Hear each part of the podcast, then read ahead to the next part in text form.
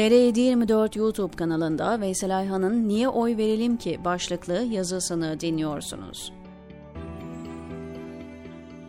Adam dedi ki, toplama kampına geldiniz, sanatoryuma değil, buradan tek bir çıkış yolu var, o da bacadan. Ve ekledi, bunu beğenmeyen varsa dikenli tellere kendini asmayı deneyebilir.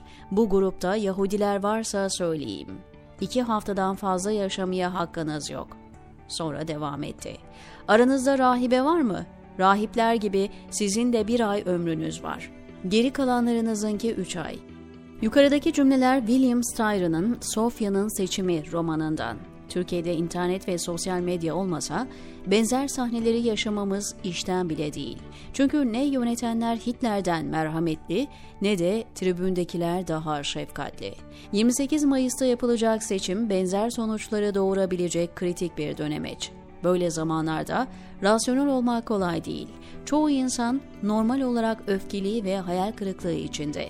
Duyguların peşine takılınca pire için yorgan yakmak, papaza kızıp oruç bozmak, eşeğini dövemeyince semerini dövmek, imama kızıp abdest bozmak oldukça kolay ve anlaşılır. Cumhuriyet tarihinin belki de en önemli seçimi.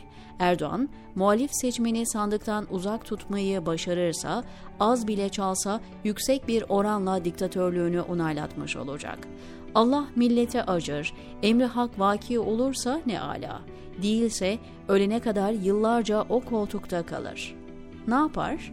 Ne yapar? Bu seçim zaferiyle çok geçmeden halk dezenformasyon istemedi deyip sosyal medyayı tamamen kapatır. Halkın böyle istedi deyip devlet sistemini komple değiştirir. Şimdiden sonra seçimle falan kendini yormayı düşünmez.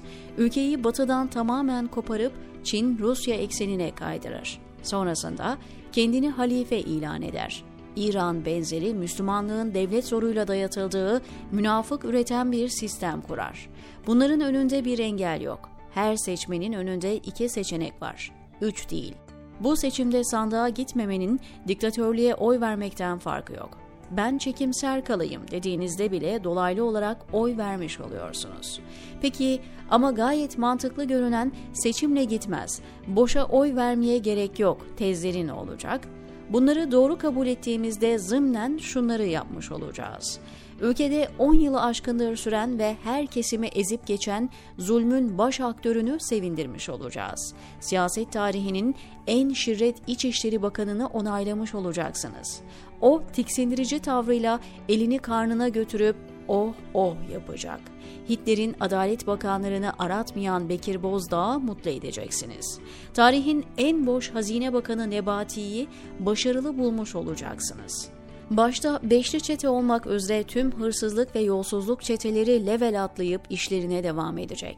Ama muhalifler de bize aynı dille saldırıyor. Bunlar gelse bunlar da aynı zulmü yapabilir. Yaptı mı? Yapmadı ama yapabilir. İhtimal yani. Bu iktidardan bunaldığı için intihar eden gençler var. Zindanlarda bu ağır atmosfer hafifler diye umutla bekleyenler var.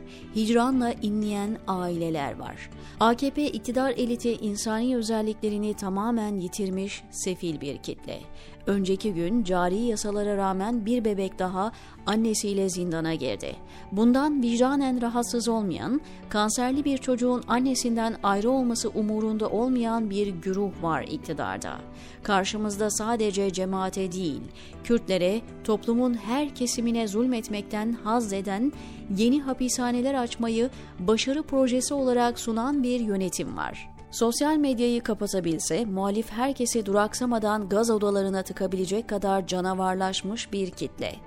Böyle sistematik bir yıkımı ve zulmü ne Kılıçdaroğlu, ne Akşener, ne Davutoğlu ne de Karamollaoğlu yapabilir. Yok Ergenekon şöyle ayarladı, yok üst akıl böyle kurguladı gibi komplo teorilerine prim vermenin velev doğru olsa faydası yok. Bu iktidara oy vermek yapılan tüm zulümlerden pay istemek demektir. Oy vermemek, vermemeyi teşvik etmek, dolaylı olarak bunu yapan herkesi zulümden pay sahibi yapar.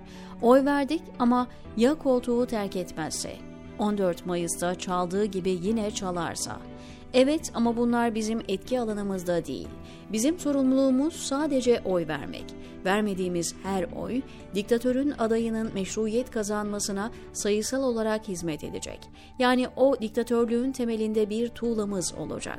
Sandığa gitmeyerek böyle süfli bir yönetime dolaylı destek vermenin hesabını vermek kolay olmayacaktır.